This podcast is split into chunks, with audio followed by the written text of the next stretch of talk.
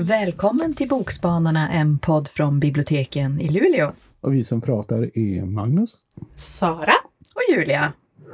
Och nu blir det avsnittet som heter äh, Nu ska vi prata om böcker vi inte tycker om. Eller som vi inte tror vi tycker om kanske också. Ja. Och då kan man ju fråga sig varför man ska prata om det. Eh, Det är ju därför att det är alltid mycket lättare att vara elak än snäll. Och då är man Absolut. roligare. Nej, det är inte därför. Men ibland är det ju så att man faktiskt kommer ihåg det som man väljer bort bättre än det som man väljer. Och då kan man fråga sig varför. Djup tanke. Djup tanke. Jag vet inte om jag gör det faktiskt. Du är inte tillräckligt Julia. Nej, här är det bara grunda vatten. Eller så har du för bra smak. Ja. Vi läser ju en del i vårt yrke och kanske väljer vi bort en del också och, och går och grunnar på om det var rätt val eller Mm. inte. Mm. Och jag tänkte att jag kan börja och berätta om en bok som jag ratade. Eh, och den heter Natten Tallulah Murray försvann av en författare som heter Lisa Jewell som har skrivit väldigt mycket, tror jag. En sån här som, som ger ut på löpande band.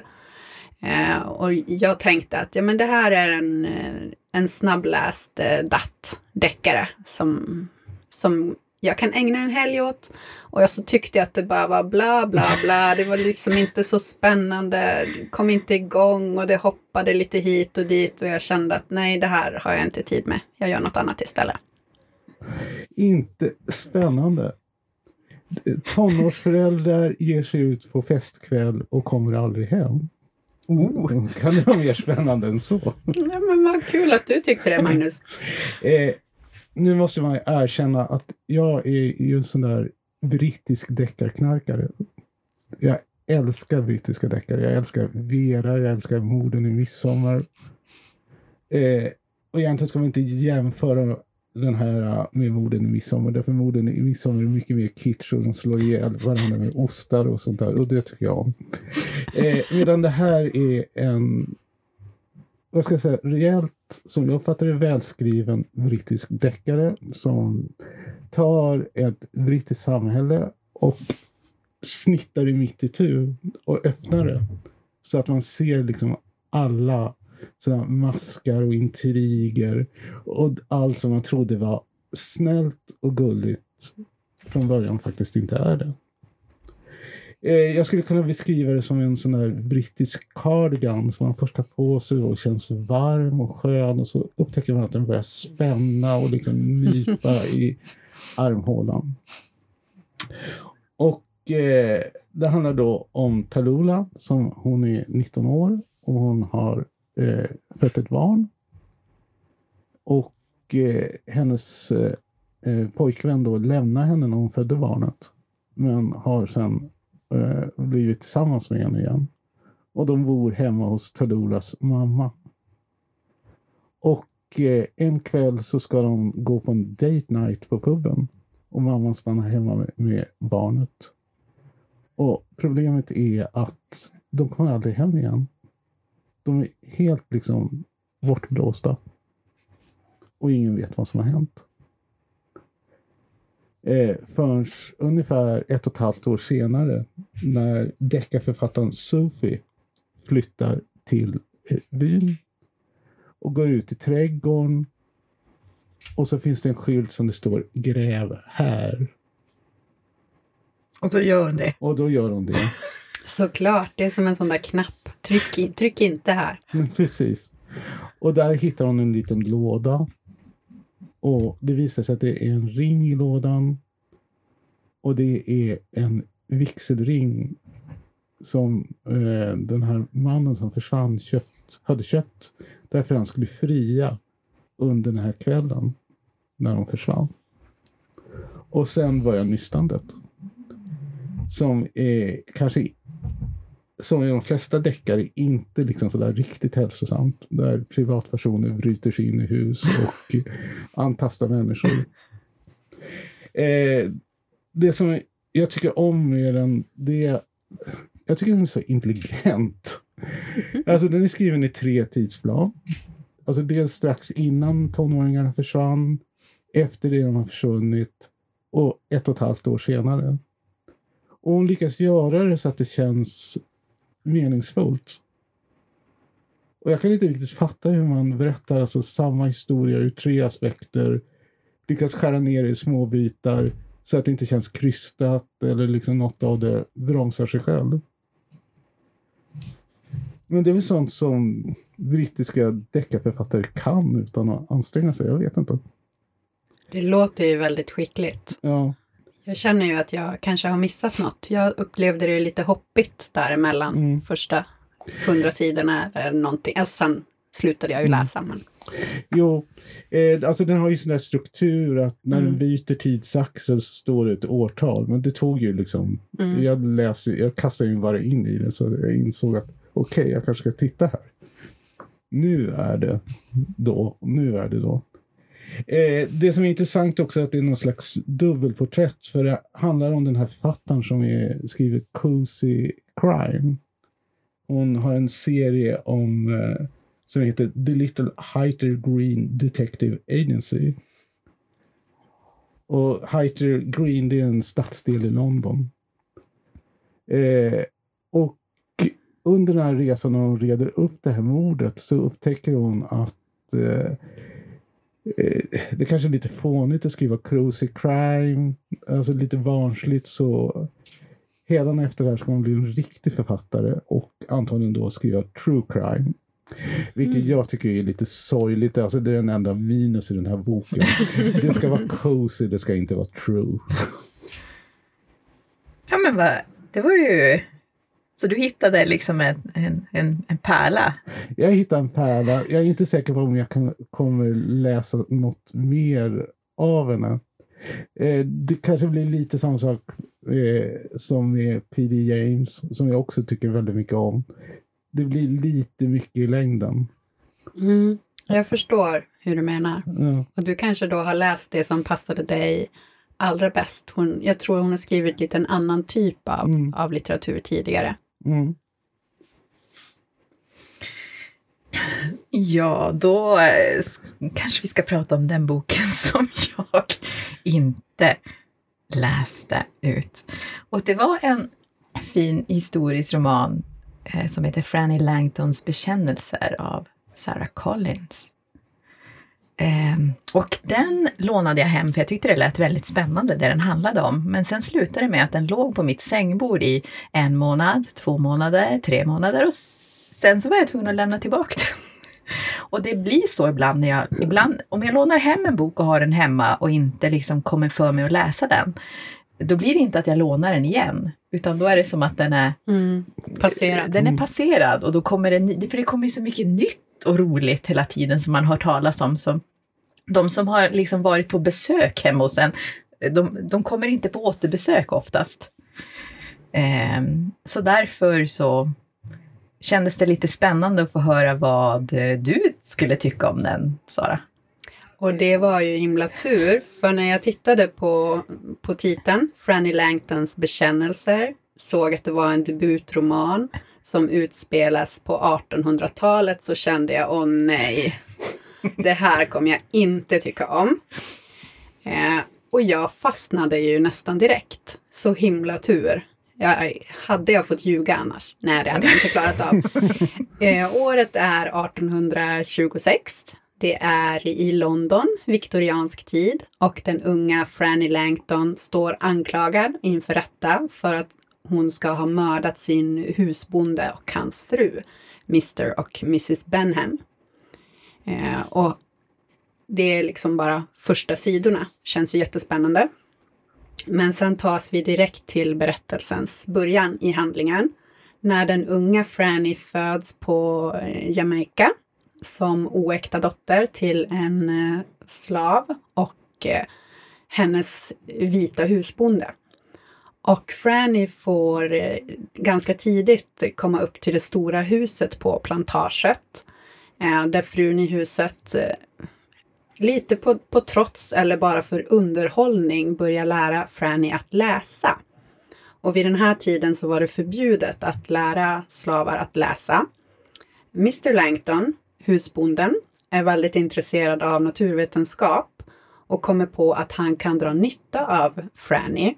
Han börjar ge henne en, en bildning som ingen annan i hennes klass och med hennes kön den här tiden skulle få.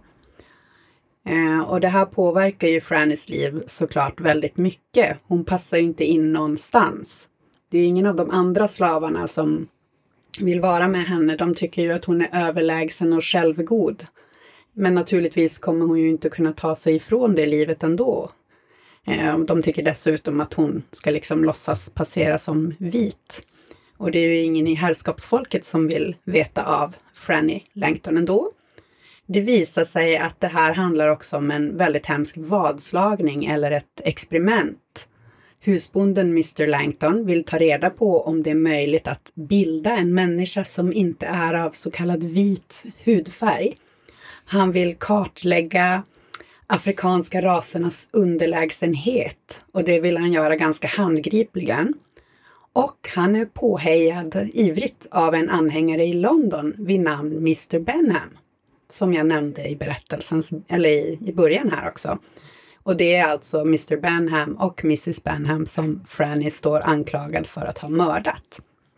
Hon kom då som en gåva till paret Benham från sin ägare, den här plantageägaren då, Mr Langton. Och hon bär ju hans efternamn som slav, men det visar sig ju att hon är ju hans biologiska dotter och hans ägodel.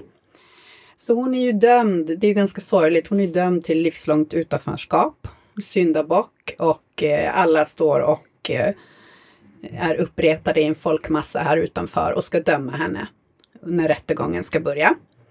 Och i fängelset på väg mot rättegången så, så tar Franny sin chans, får hon möjlighet att, att berätta sin historia. För försvarsadvokaten börjar fråga henne om, det är egentligen den enda personen som frågar henne, har du gjort det här och varför? Och det är det som är lite intressant i den här boken för att eh, Franny säger att ja, men, minnet är som ett svart hål. Jag vet inte riktigt.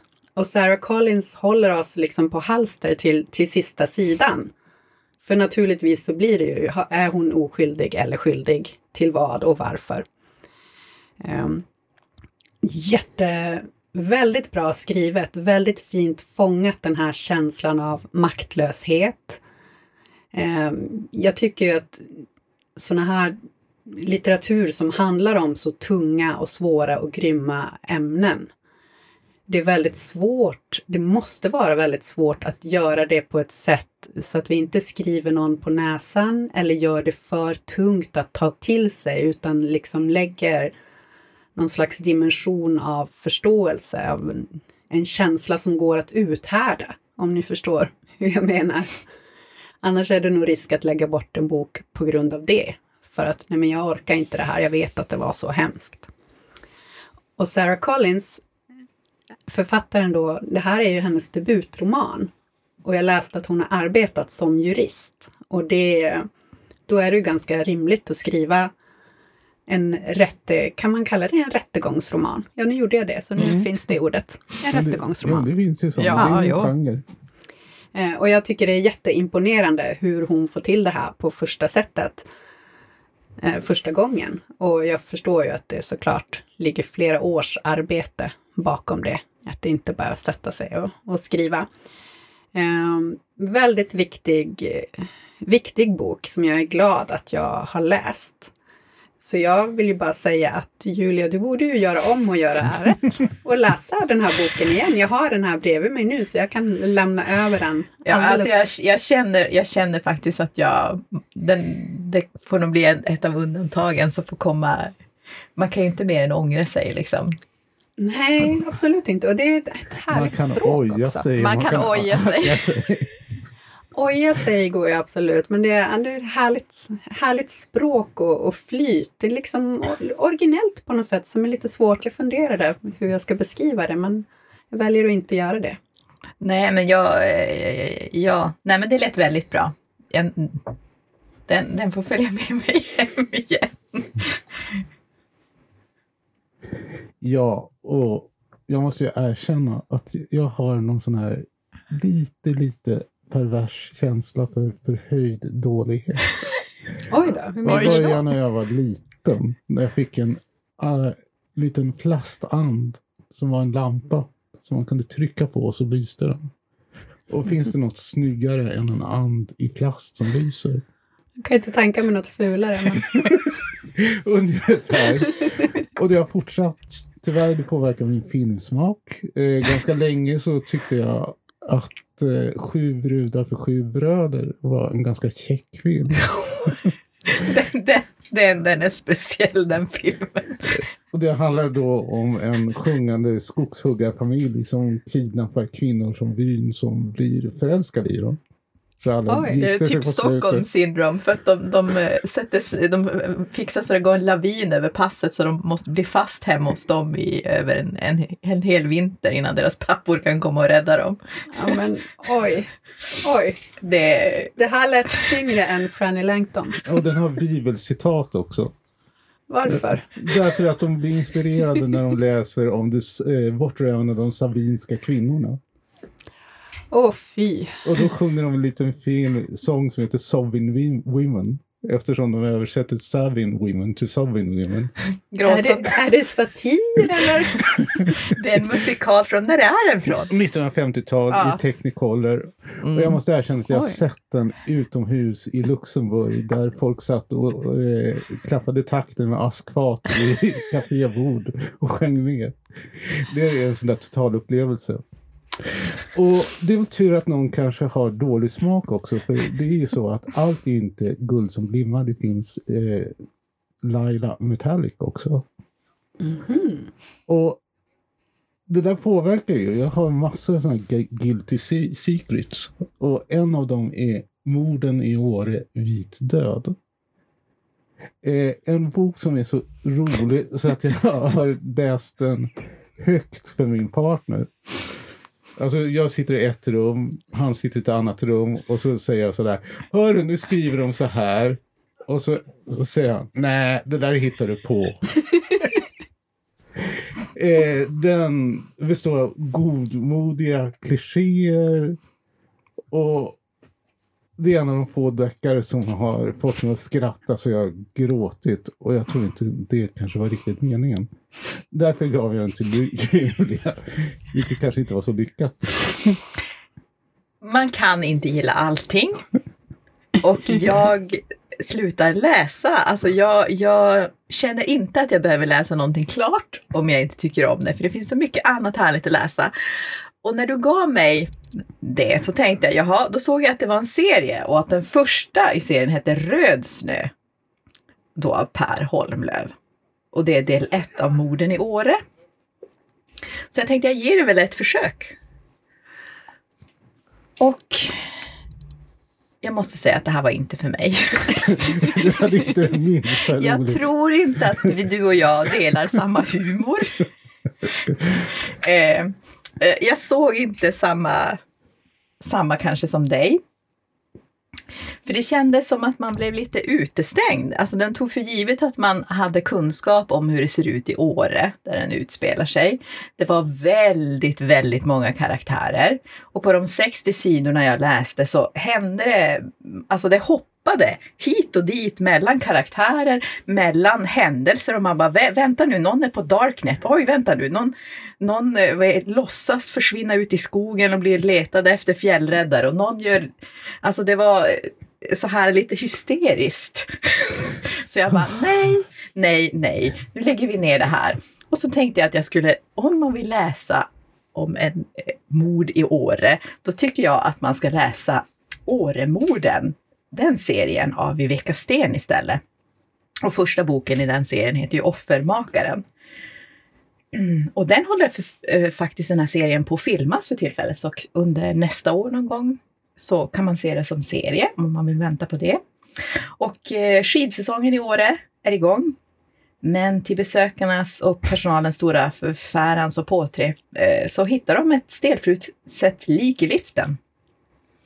Och då börjar det då att eh, uh, Årepolisen, alltså Daniel Lindskog, misstänker mord. Uh, och uh, Hanna Alander, hon är vid Stockholmspolisen och hon har flyttat till Åre efter att ha blivit av med jobbet och sin partner. Först fick hon veta att, hon, han, att hennes chef tyckte hon skulle söka sig någon annanstans och sen när hon kom hem så sa hennes eh, sambo efter för fem år att ja men du kan väl vara ute till på söndag, nu gör vi slut, det här funkar ju inte.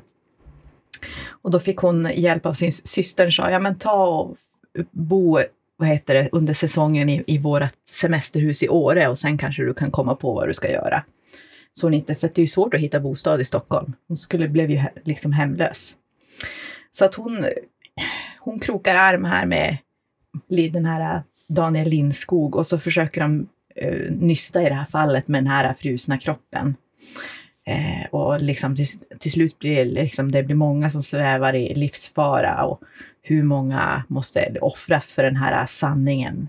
Den här gömda liksom, hemligheten ska uppdagas här. Det grävs liksom i något så här mysterium. Och jag bara säger bara ja, från första sidan man dras in, de hittar det här liket, man får följa liksom Hanna och hennes liksom sammanfall och eh, flytt till Åre. Ja, så tycker jag en bra deckare ska skrivas. Och då får man uppleva den här liksom miljön i Åre samtidigt. Så läs Offermakaren av Viveka Sten, tycker jag. Och så om man är ute efter humor och delar den med Magnus, då kan man läsa Morden i Åre av Per Holmlöv, tycker Fast, jag. Kanske inte för inte så snäll. det är som att skratta åt någon som har fallit omkull. Eh, Ibland nej, är ju inte. det så roligt. Mm. Alltså jag tänker som filmer som är roliga när det inte är meningen. Jag tänker att jag behöver upptäcka mm. den litteraturen. Jag kanske kollar lite där. Ja, alltså, det är en bok som är skriven med extremt gott självförtroende.